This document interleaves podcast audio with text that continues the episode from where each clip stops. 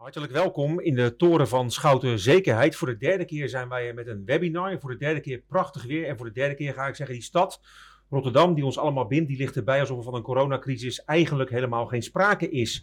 Eerder spraken wij, toen die crisis een paar dagen jong was, of oud zoals u wilt, over corona en uw bedrijfscontinuïteit. Later over WGA risicomanagement en het sparen op uw personeelskosten. Vandaag praten we over duurzame inzetbaarheid. Een heel actueel onderwerp gezien het grote aantal mensen dat zich voor deze sessie heeft aangemeld. We zijn trouwens onder elkaar met relaties van Schouten Zekerheid, met mensen die gelieerd zijn aan Boulais en Lambert en met leden van netwerkverenigingen en brancheorganisaties waaraan Schouten verbonden is. Net als de vorige keer kunt u thuis meedoen achter uw laptop. Doe mee, stel vragen aan deskundigen aan tafel. En als we daar niet aan toe komen, krijgt, krijgt u sowieso nog een whitepaper toegestuurd met alle thema's die we vandaag behandelen. Twee deskundigen aan tafel. Welkom. Brenda van Dijk, consultant duurzame inzetbaarheid.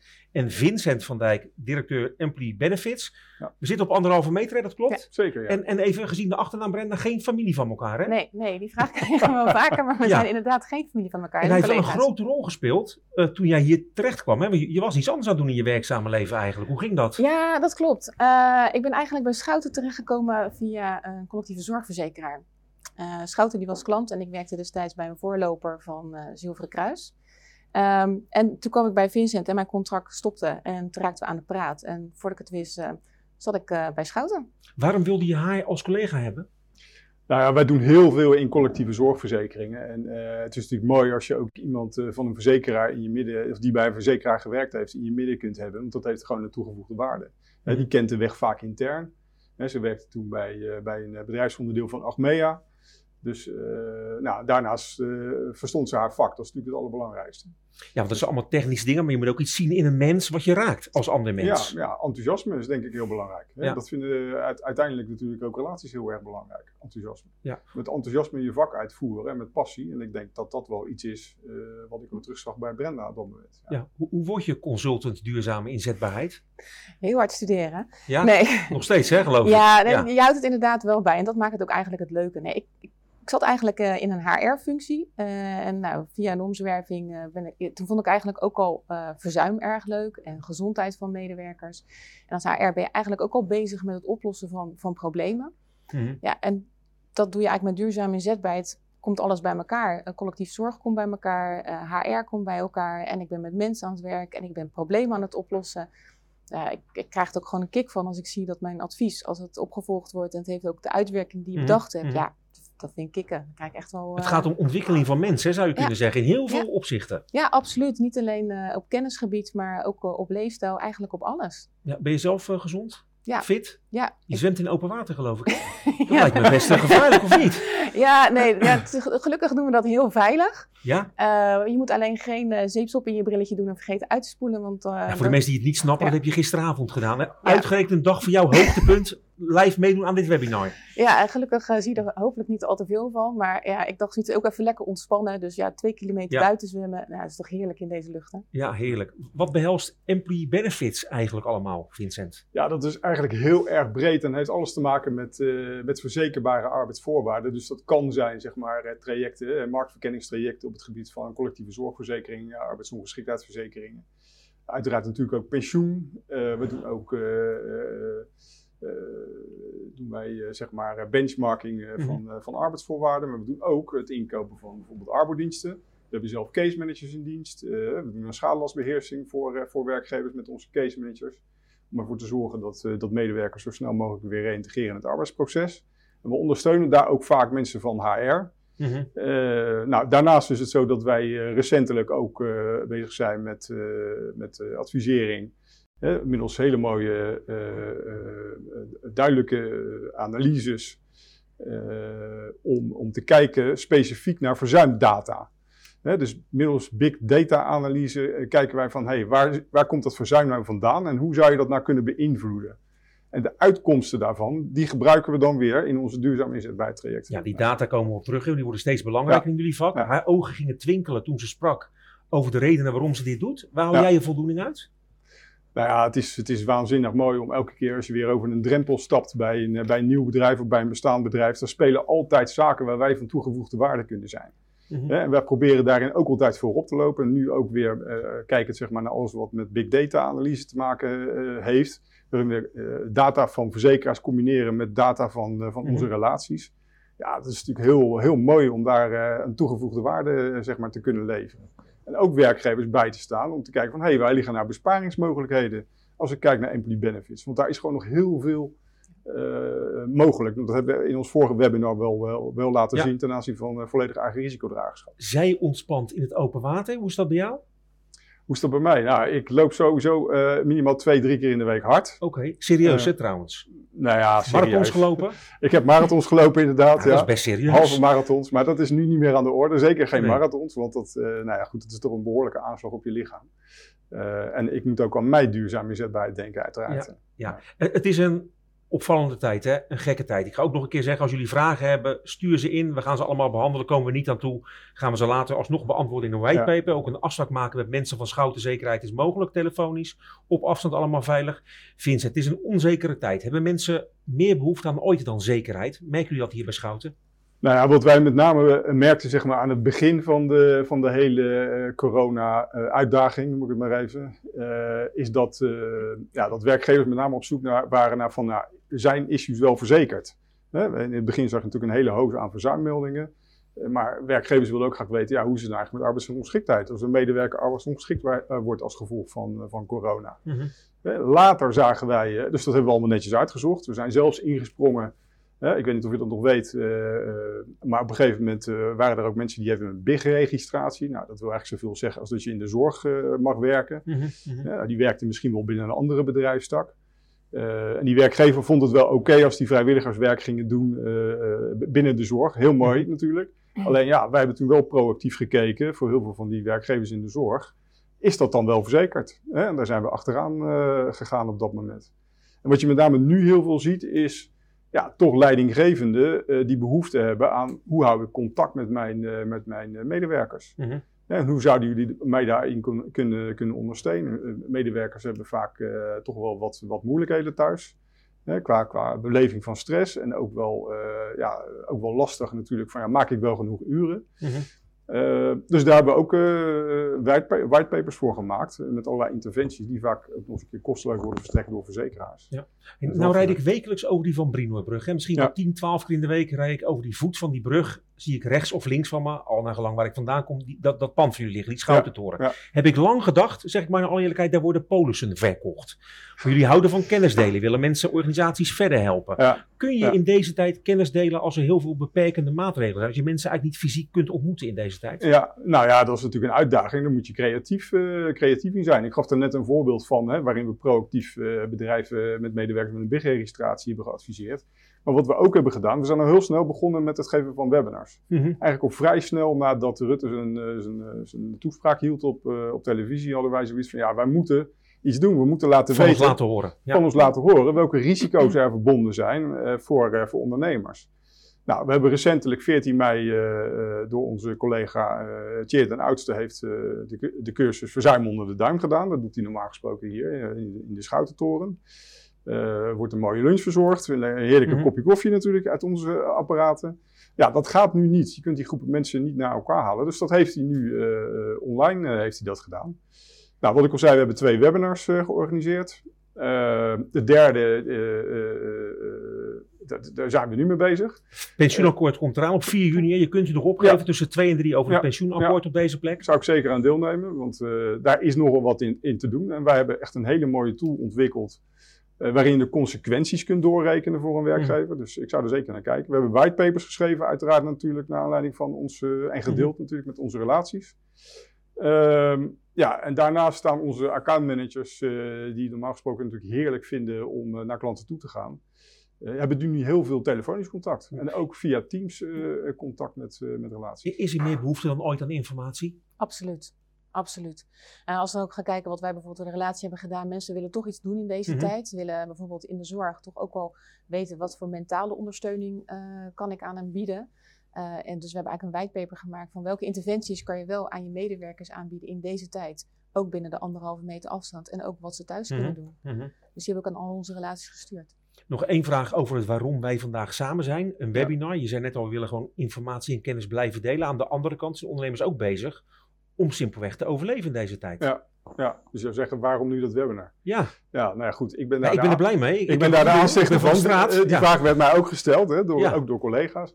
Ja, ik zou zeggen, juist nu praten over duurzaam inzetbaarheid. Mhm. Als je ziet eh, wat, een, wat een inregelproblematiek er geweest is bij heel veel medewerkers die ook moesten gaan lesgeven thuis aan hun kinderen, samen eh, met hun partner moesten gaan thuiswerken. Eh, die hele Dat situatie. valt niet altijd mee, zeg ik er maar gewoon bij. Je hebt er ook mee te maken.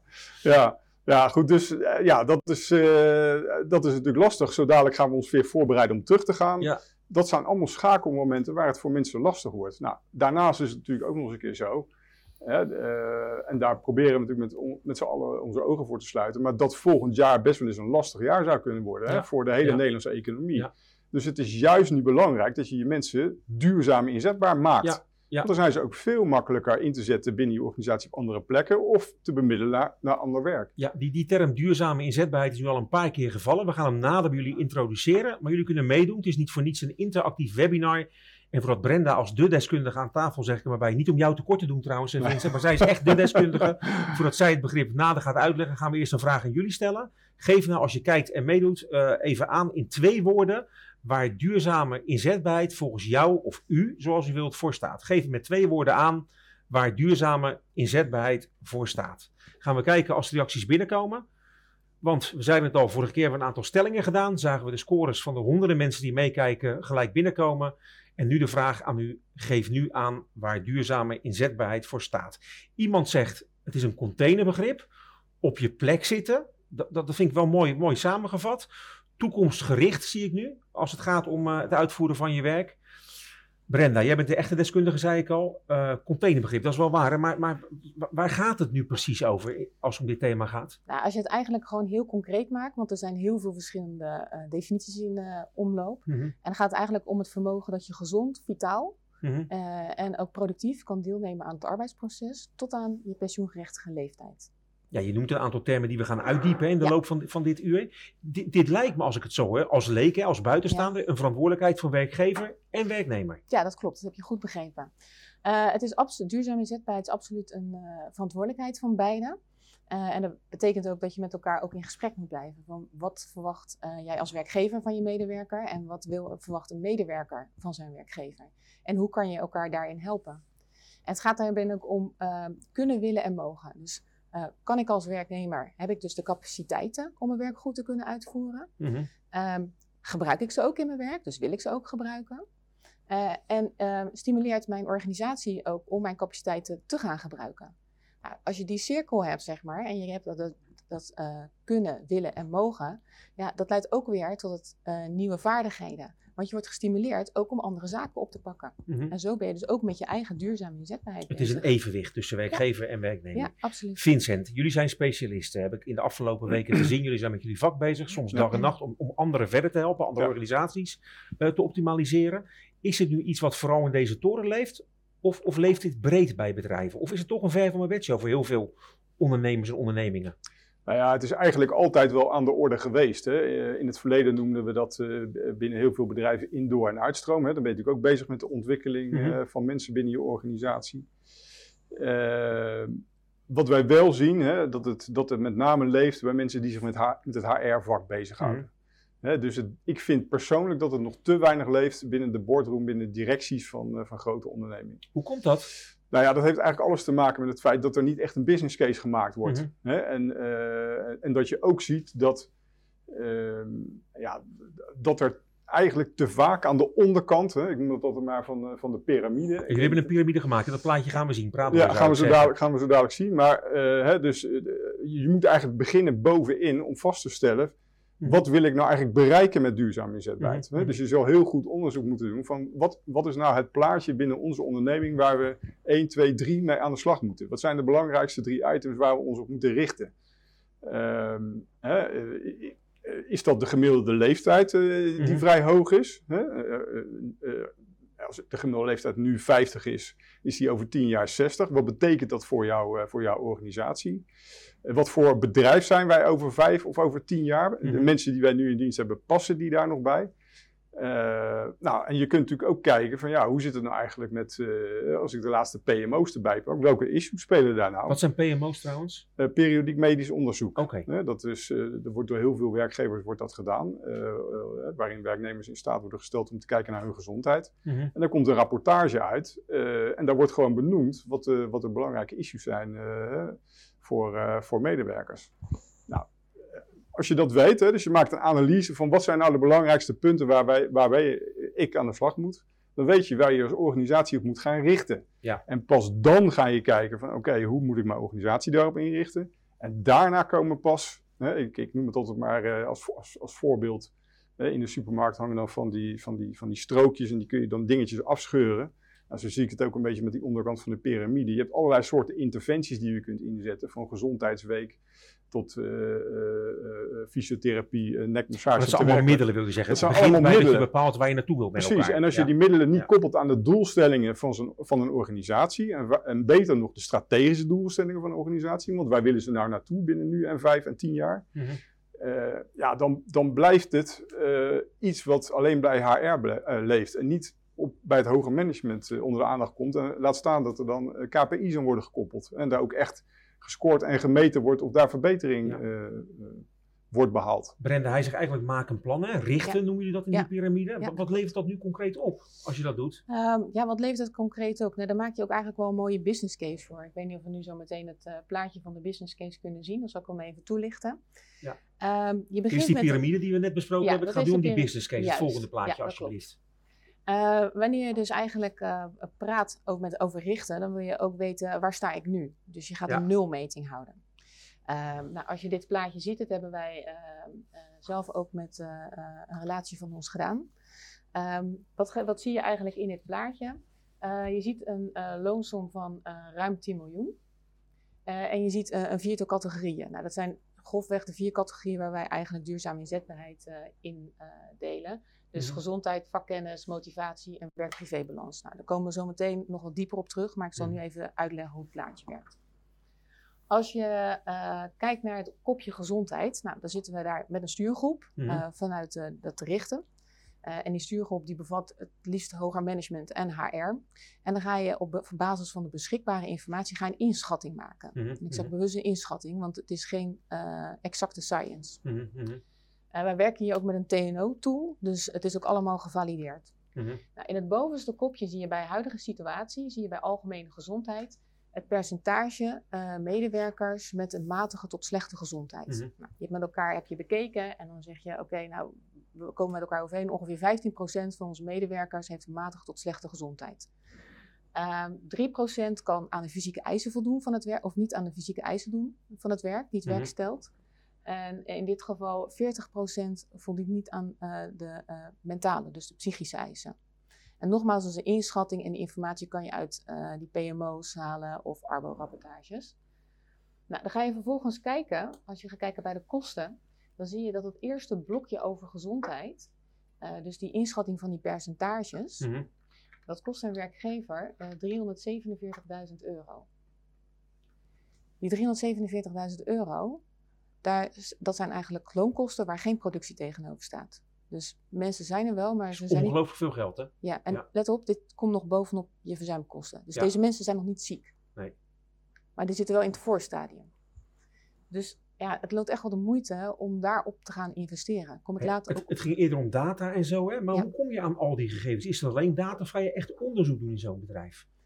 Nou ja, je gaat ook wel onderzoeken doen. En eh, deze inschatting, dit do- doe je ook eigenlijk in een quickscan. Dat doen we Mhm. op basis van de beschikbare informatie vanuit HR, eh, de PMO-rapportages, Arbo-rapportages. Eigenlijk pak je alles bij elkaar. We komen zo meteen ook bij de verschillende items op wat, wat je nu eigenlijk Ja. moet pakken. Ja. Maar daar ga je mee aan de slag. Nou, dan heb je eigenlijk in je huidige situatie, dat is je nulmeting. Ehm nou, zie je sector staan, die slaan we heel even over. Daar kom ik zo meteen. Maar dan ga je naar de toekomstige situatie. Wat wil jij nou als werkgever? Wat wordt jouw doel? Wat wil je gaan bereiken? Mhm. Nou, dan zie je als je dus die toekomstige situatie op respectievelijk 10, 3 en 20 procent ziet, dan zie je aan de achterkant dat jouw toekomstige kosten 187.000 euro zijn. Dus dat is ruim 160.000 euro minder. Ja, Alleen maar ja, door daarmee geweldige aan de slag te gaan. ja. Maar het leukste is, je kan dit ook nog eh, benchmarken eh, met je branche. Dus hoe doe ik het ten opzichte van de sector? En dan kan je ook gaan kijken van zijn die, die doelen die ik gesteld heb, daarom zei ik ik sla hem heel even over, zijn die wel uitdagend genoeg? Je ziet hier de sector, uh, die staat op 16% Nou, in dit geval is uh, die matige uh, tot slechte gezondheid is 15% Ja, is 10% voldoende? Vind je dat voldoende? Even één stap terug. Dit, dit is allemaal best wel ingewikkelde ja. materie. En ik kan me voorstellen, als je te kijken denk je, dat, je, dat je denkt, waar, waar begin ik in hemelsnaam aan? Die opmerking is van mijn rekeningen. Maar jullie kunnen helpen, faciliteren, hebben Absoluut. het eerder gedaan bij andere Absoluut. bedrijven. Dat is belangrijk. Ja, dit, ja. Dit, uh, deze fase, dat begeleiden we ook al, uh, al onze relaties hiermee. Dus die hebben we ook gewoon vanaf begin af aan. We hebben de informatie verzameld, we hebben het gesprek zijn we aangegaan.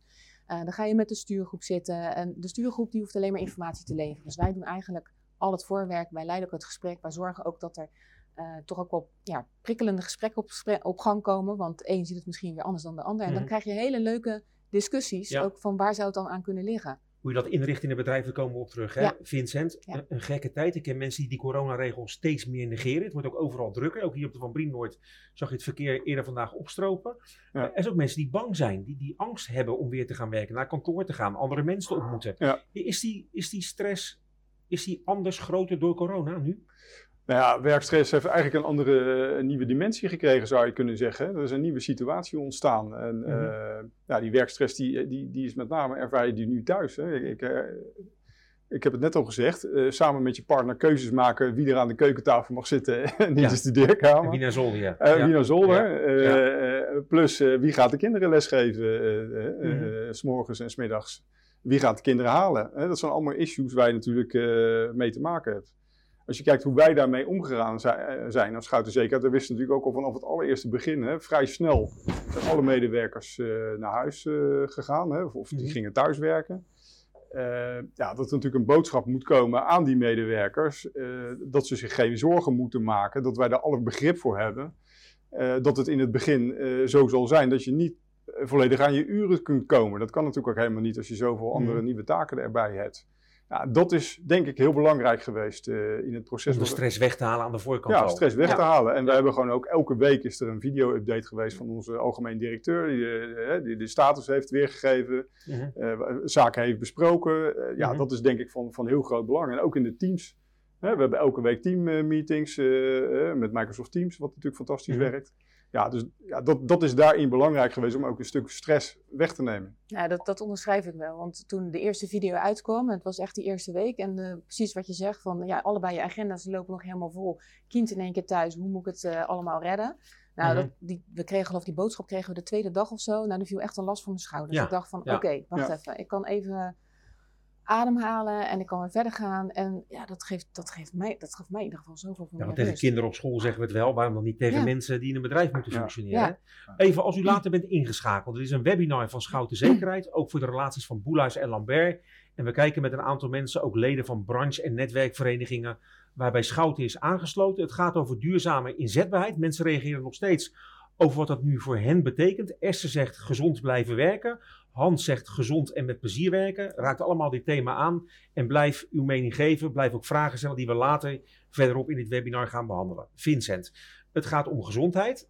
Ook de term vakkennis kwam terug. Waarom is die zo belangrijk in dit kader? Ja, vakkennis, de technologische ontwikkelingen die, die volgen elkaar natuurlijk in rap tempo op. De baan die je tien jaar geleden had, ziet er nu heel anders uit dan, dan tien jaar geleden. Uh, ja, je moet gewoon bereid zijn om nieuwe dingen te leren, om inzetbaar te blijven in je huidige functie. Mm -hmm. ja, als voorbeeld, uh, we hebben best wel veel transportbedrijven ook in de boeken. De vrachtwagenchauffeur die, die in het verleden alleen zijn, uh, zijn zaken van A naar B bracht, ja, die moet nu gaan werken met een tilhulp, hè, die hij eerst mm -hmm. niet had. Hij is veel meer het visitekaartje geworden van, een, mm -hmm. van, van, van het transportbedrijf. Dus hij moet ook communicatieve vaardigheden hebben. Hè, om uh, om uh, ja, gesprekken te kunnen voeren met degene waar die, uh, waar die de, de, de, spullen aflevert. Vragen we steeds meer van mensen, kun je dat zeggen? Nou, we, ik, vragen we steeds meer, dat klinkt, vind, vind ik wat negatief klinken. Mm. Ik, ik denk dat we mensen wat meer uitdagen. Oké. Okay. Ja, ja, okay. En misschien ook andere dingen vragen. Dus ja. je vraagt eigenlijk andere kwaliteiten van mensen. Mm -hmm. uh, waar wat, nou, het voorbeeld met die vrachtwagenchauffeur, of als je in een kantooromgeving zit waar je eigenlijk nooit met klantcontact te maken gehad hebt en je krijgt nu, moet je in één keer wel telefoon op gaan nemen. Ja, hoe ga je daar dan mee om? Hoe mm -hmm. ga je om met een boze klant? Uh, je kan niet zeggen, ja, ik heb uh, even geen tijd. Nee, hoe, hoe, ga je die mensen daarin helpen? Ja. Is, is de bereidheid van mensen om te leren, is die er trouwens in ruime mate in bedrijven? Ja, die... Mensen ook niet zo veranderingsgezind namelijk van nature. Nee, dat klopt. Mensen hebben uh, uh, van nature een beetje een aversie tegen verandering. Nogal, ja. ja. ja. Uh, nee, helaas zie ik toch nog wel dat uh, mensen toch wel redelijk vastgoed zitten in hun functie. Dus heel erg lang op dezelfde functie. Uh, ook nog dezelfde werkactiviteiten, dus dezelfde werkzaamheden. Daar verandert niet zo heel erg veel in. Mm -hmm. nou, misschien, ja, ik weet niet of het een goed voorbeeld is, maar als je gaat kijken voorheen de bankaire sector. Ja, dat ging iedereen, nou, als je bij de bank zat, nou, dan had je best wel een goede baan. En dat liep eigenlijk allemaal wel door. Later kon je het op verjaardagen eigenlijk niet meer zeggen dat jij werkte? Nee, precies. Nou, dat ook alweer andere ja. redenen. Ja.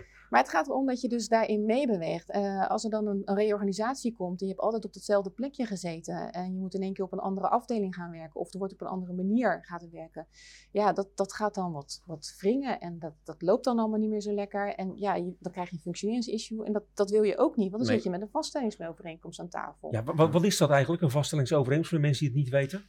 Nou, heel veel mensen die kijken, die zitten in het HR-vak, die zullen het ongetwijfeld weten. Maar uh, ja, het is eigenlijk een beëindigingsovereenkomst. Ik vraag het ook vooral voor mezelf, ja. hè, laat het duidelijk zijn. nou, ik hoop, het. volgens mij ben je ZZP'er, klopt dat? Ja, ja. ja. Nou ja, het is eigenlijk een beëindigingsovereenkomst waarin de werkgever en de werknemer mm -hmm. met wederzijds goed vinden, zeg maar, uh, de, de dienstbetrekking beëindigen. Uh, met, met een mooi woord dan ook finale kwijting afspreken. Dus dat ze geen wederzijdse verplichtingen meer naar elkaar hebben. Mm -hmm. En dat is eigenlijk een vaststellingsovereenkomst.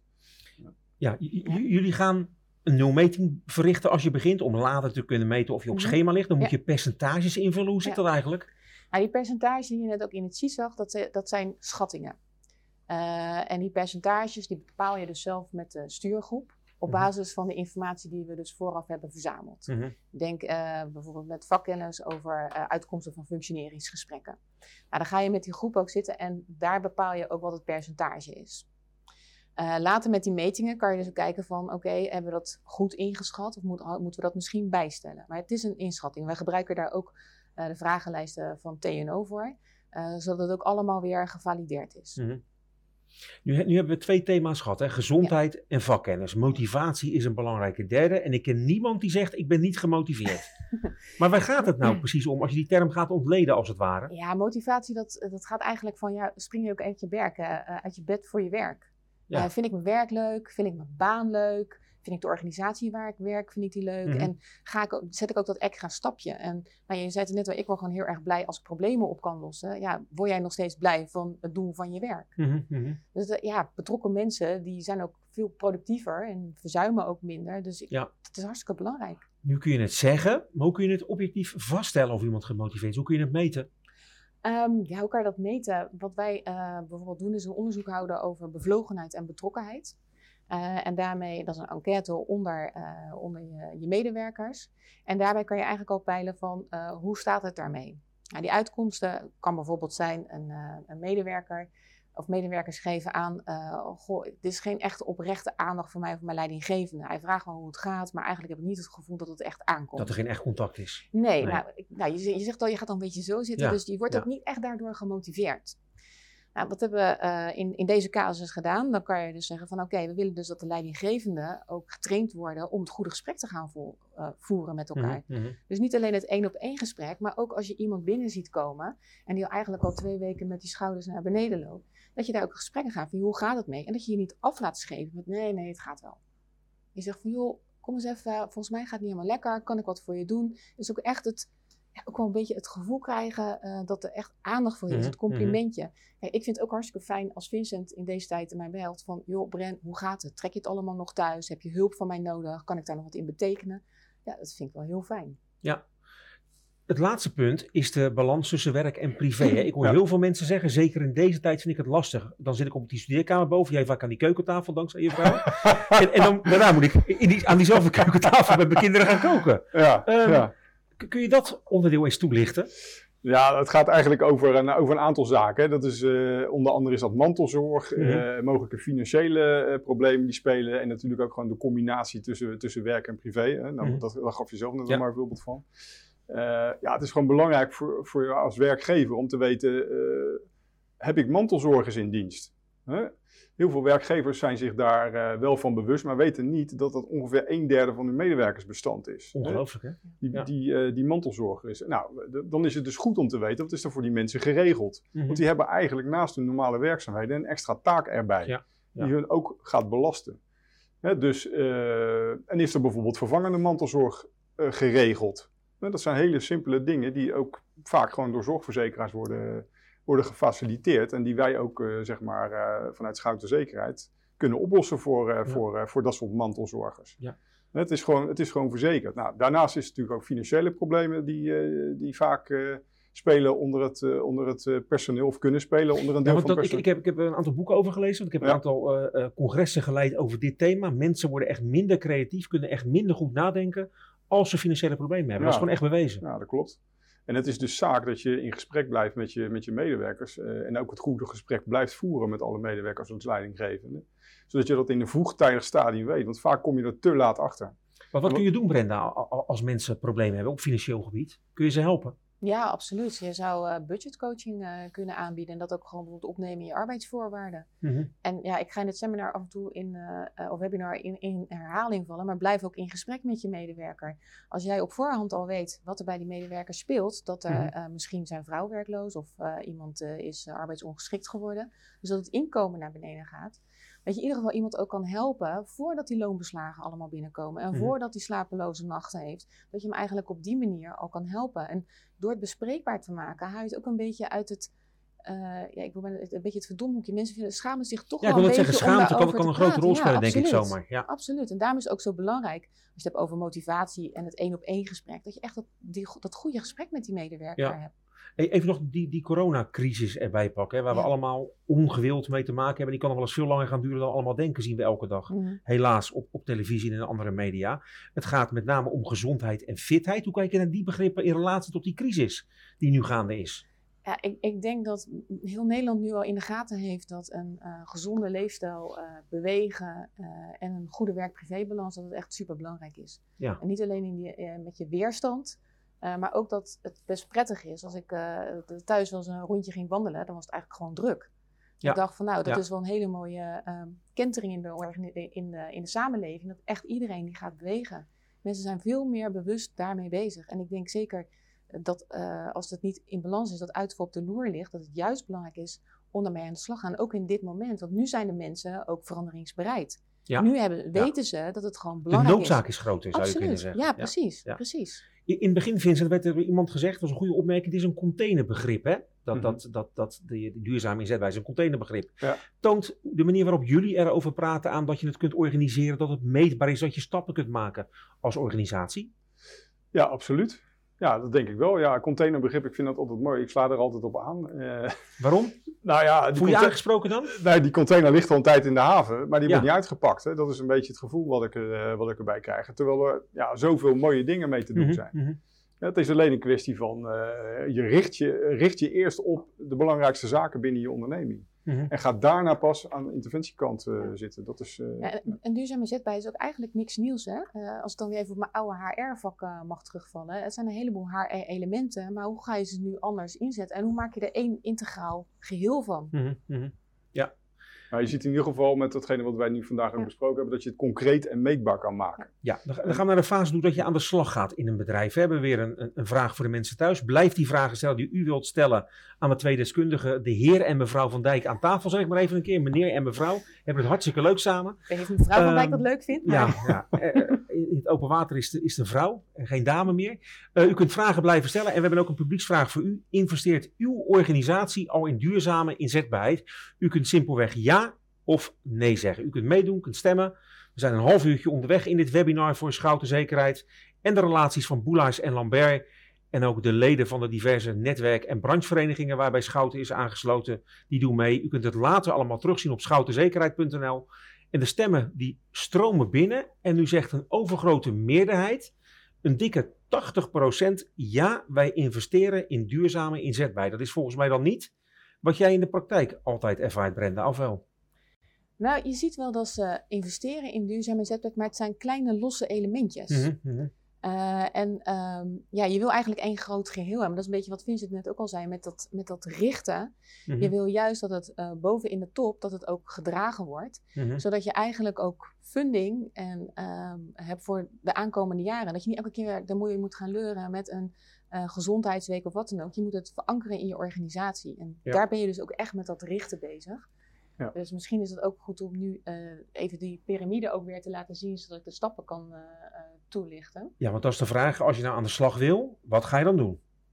Ja, we hebben net ook het plaatje gezien met die Kijk, deze die piramide. Dus. Ja. Mensen thuis Ja. zien hem nu ook. Ja. Klopt, dus nu Ja. zitten we in het uh, bovenstukje met het richten. Dus waarom wil je eigenlijk aan de slag Ja. met duurzame zetbaarheid? Wat is de noodzaak? En daar heeft Vincent net natuurlijk ook al uh, genoeg over verteld. Mhm. Maar waar het eigenlijk om gaat, ja, en, en dan? Weet je, dan heb je de noodzaak uh, uh, bepaald. Mhm. uh, waarom je ermee aan de slag gaat. En dan ga je dus die thema's bepalen. Nou, je hebt net gezien, dat doen wij aan de hand van een business case Mhm. met een stuurgroep. En die stuurgroep, we adviseren altijd, zet er iemand van het hoger management en HR. En Mhm. waarom? Als je de eh, CFO hebt, dan gaat over de cijfertjes en over de portemonnee. En HR die heeft in ieder geval altijd wel plannen en kijken hoe ze met elkaar kunnen komen. Ook een collega erbij die kritisch is, hè, vertelde je mij in de voorbereiding op dit webinar. Ja, die zou ik in de inrichtingsfase eh, in inzetten. fase, ja, ja. absoluut. Daar moet je altijd zuinig op zijn, kritische medewerkers. Ja, die kunnen je helpen. Om het beter te maken en draagvlak te creëren. Ja. ja. Wat is de vervolgstap in die eerste fase? Als je die stuurgroep hebt uh, Mhm. samengesteld en dan gaan we dus samen die business case uh, maken zoals we er uh, net hebben gezien. Um, en dan ga je die thema's bepalen. Mhm. Ja, aan de hand van die thema's ga je kijken, je zag net met die kosten en zometeen als we het plaatje nu kunnen zien wat het oplevert. Want dat wil je natuurlijk ook weten, want je hebt al Ja. gebenchmarkt. je weet die eerste kosten die Ja. het eh, heeft gedaan, dat wil je Ja. natuurlijk ook weten. Ja, maar wat, wat levert het nou eigenlijk op? Want dat is natuurlijk ook wel belangrijk. Van ja, ik, stort de, ik zet er geld in en wat krijg ik ervoor? Ja. Moet ik wel zeggen, um, duurzame inzetbaarheid is een, een langetermijn actie. Dus het is niet gelijk je return on investment, om het zo maar te zeggen. Daar gaat wat tijd overheen. Dat heb je niet gelijk volgende maand. Mhm. Uh, als ik dit plaatje even toelicht en laat je niet van de wijs brengen door alle cijfers die erop staan.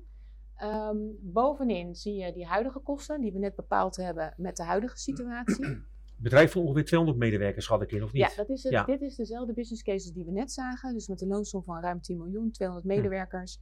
En toen hadden we al gezegd, joh, als we uh, die huidige situatie bepalen met die percentages, dan kom je terecht op 914.000 euro. Mhm, mhm. Toen hadden we gekeken naar de toekomst.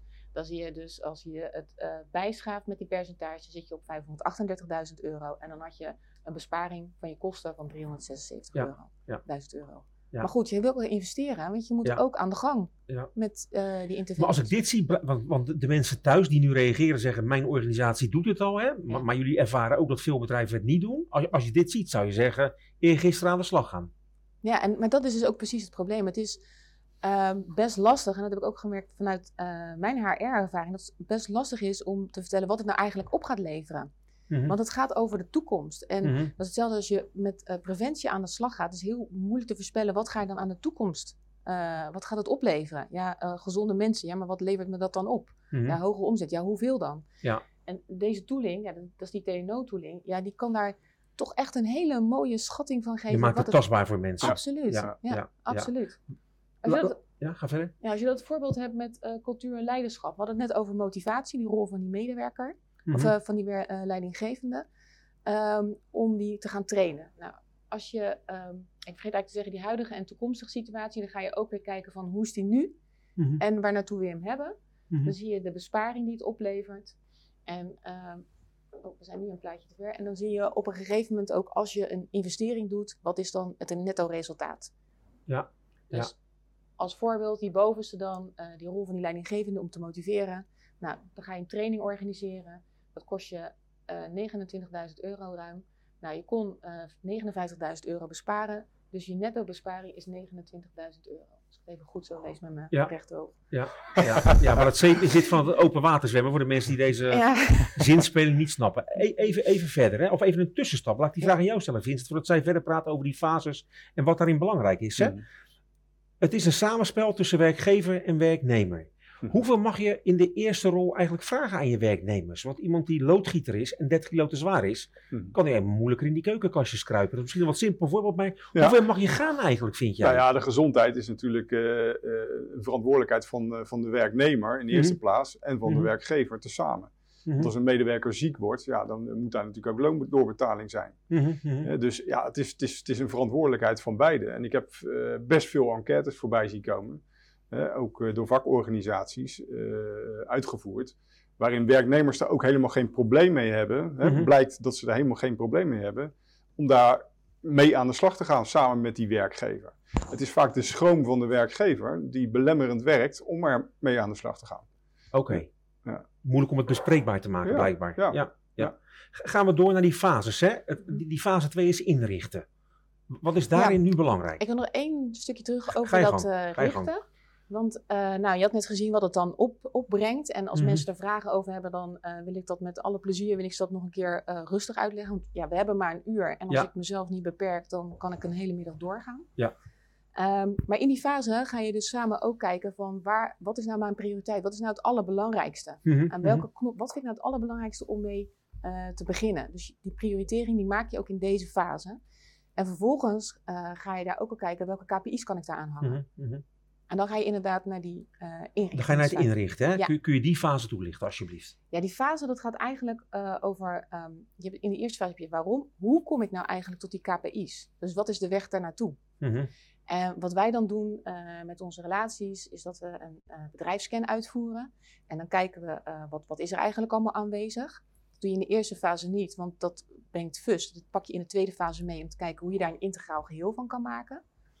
Ehm, je zorgt in deze, in deze fase inderdaad die projectgroep eh, waar je het net Mhm, mhm. over had. Dus eh, iemand van de OR, eh, iemand eh, van het eh, management, Ja. een leidinggevende, Ja. een werknemer, die kritische werknemer.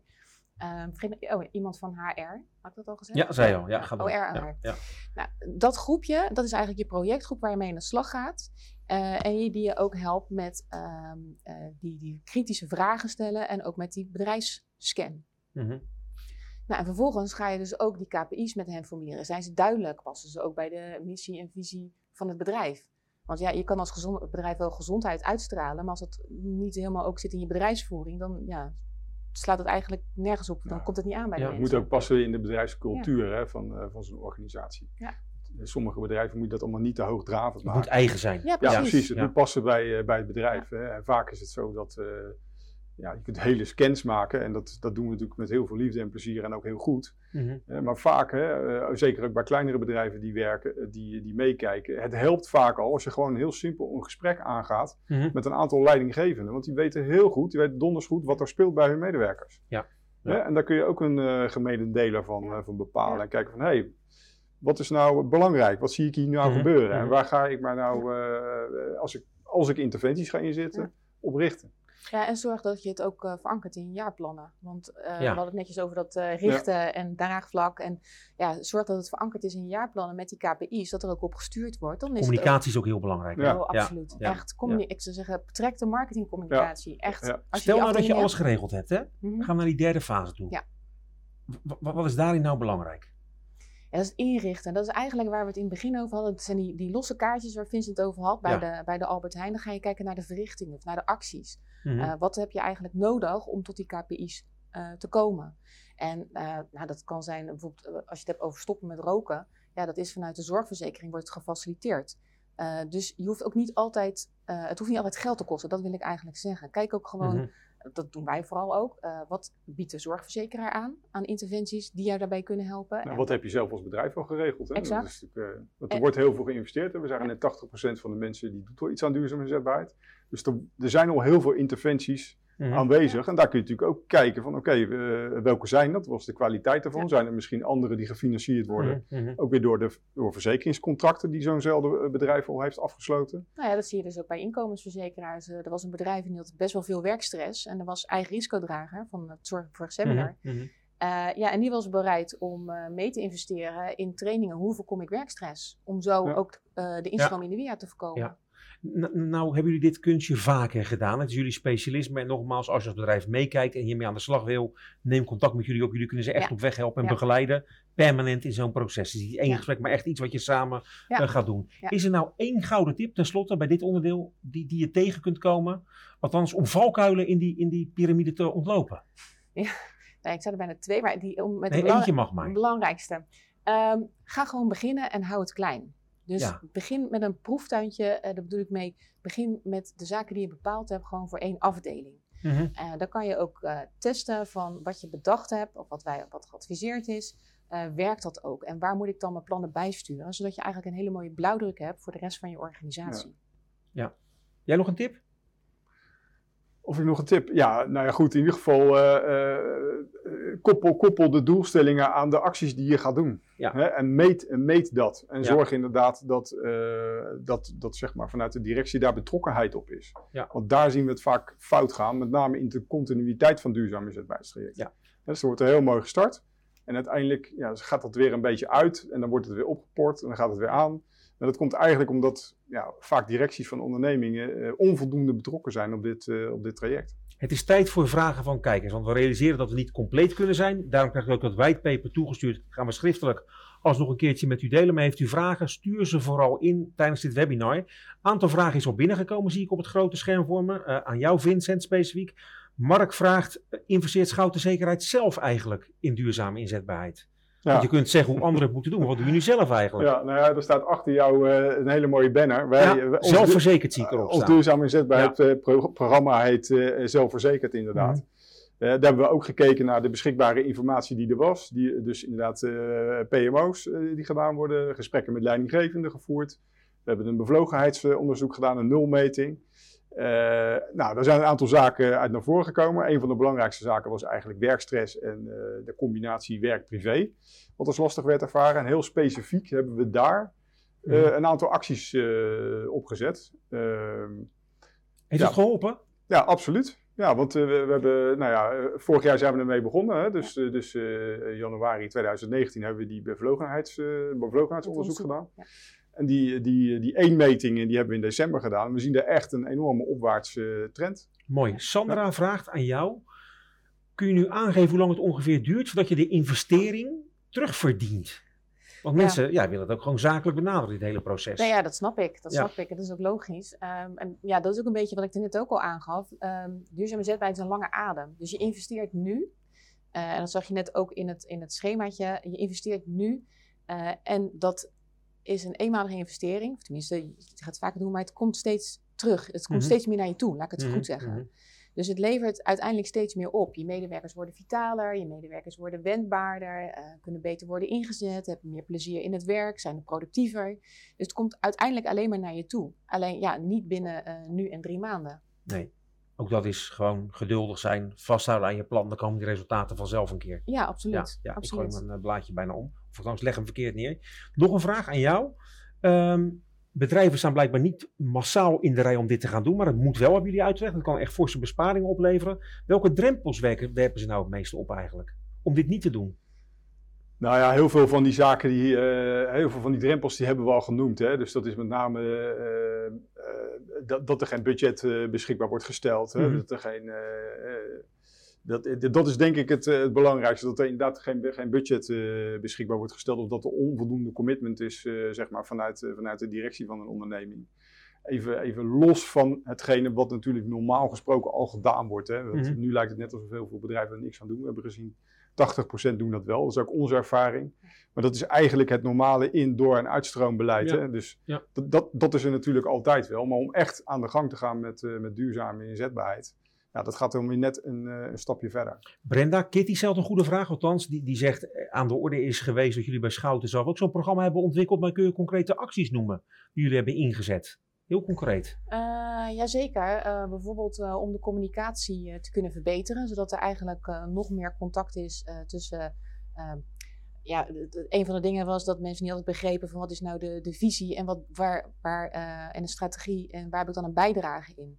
En toen hebben we bijvoorbeeld uh, lunchmeetings met het MT om gewoon eens te mhm. kijken wat speelt er en um, uh, ideeën uit te wisselen, ook vanuit Jong Schouten die er ook bij betrokken is, mm om meer communicatie met elkaar te hebben. Dus ook, ja, ik, ik noemde het net ook alweer, het goede gesprek met elkaar te hebben. Mm -hmm. En um, wat we ook zien is, bij, we hebben nu ook een, een kwartaalmeeting en er worden ook netjes de cijfers en waar willen we naartoe en dat wordt ook helemaal heel duidelijk uitgelegd. Ja. Dus ja, ik, ik zie daar echt wel een verbetering in. Absoluut. Ja, nou, coaching voor en coachingstrajecten voor leidinggevenden. Ja. We zagen ook dat er best wel wat werkstress uh, kwam van mensen die onderling uh, niet helemaal goed met elkaar kunnen vinden. Nou, dat is natuurlijk bij, bij heel veel bedrijven Gebeurt natuurlijk overal, aan de zou ik bijna zeggen. Ja. Nou, daar hebben we eh, profielen, eh, die hebben gezamenlijk, gezamenlijk eh, in teamverband gekeken van ja, oké, eh, welke profielen heb je nou, hè, zodat ze elkaar wat beter leren te begrijpen, manieren van communicatie. Maar ook een heel praktisch IT-systeem. Eh, op verschillende afdelingen Mhm. werden soms andere werkwijzes gehanteerd. En als je Mhm. dan werk over wil nemen, dan wordt het lastig. En dan Ja. staat ook weer wat wrijving. Dus daar is echt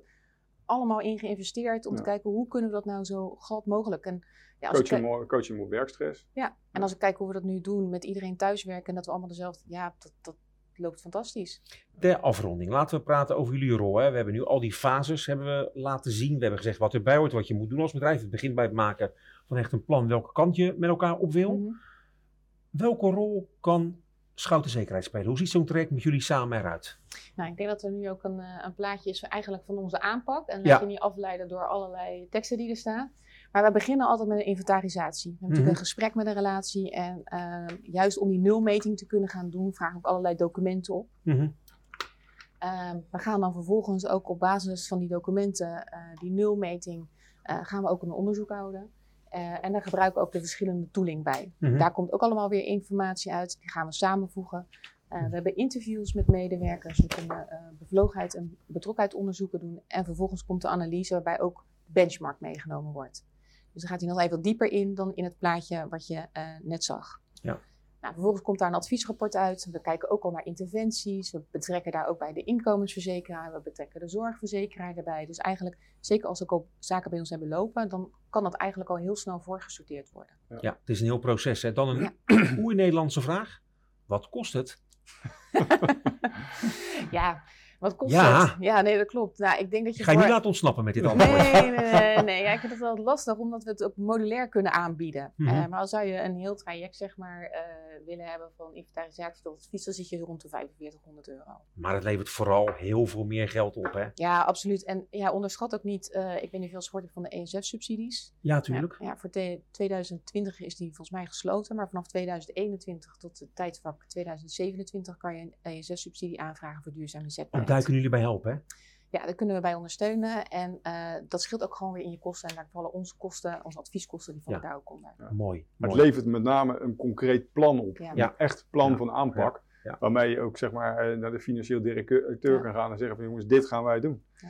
En die kan daar eigenlijk alleen maar ja op zeggen. Is er nog één ding, Vincent of Brenda, dat we moeten zeggen, wat nog niet gezegd is op dit moment? We zijn bijna 50 minuten bezig, iets langer zelfs al. Hij kan de hele dag praten over duurzame inzetbaarheid. Dus ik weet Ja? Worden ze gek van thuis, kan ik me voorstellen, of niet? ja, ja, dat klopt.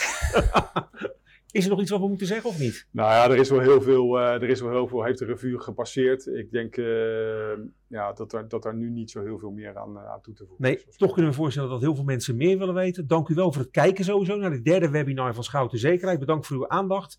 Hopelijk hebben Brenda en Vincent alle vragen kunnen beantwoorden. Is dat niet zo? Stel ze nog ook na dit webinar. We komen er uitgebreid op terug. Ook met een eh, whitepaper waarin we alles nog een keertje schriftelijk zullen toelichten.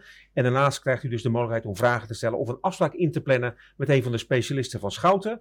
Zijn ook benieuwd naar uw feedback naar aanleiding van dit webinar. Dus u, u ontvangt nog vragenlijst evaluatie en geef daarin ook over mijn functioneren. Laat ik me lekker kritisch opstellen richting mezelf. Geef daarin gewoon uw eerlijke mening. Dank u wel voor het kijken. Die stad ligt erbij. Alsof er helemaal niets aan de hand is, zei ik in het begin ook al. En 4 juni zijn we er weer. Dan tussen 2 en 3 is het thema het pensioenakkoord en de gevolgen daarvan voor uw organisatie. Dank u wel voor het kijken op dit moment en hopelijk tot 4 juni. Tot dan.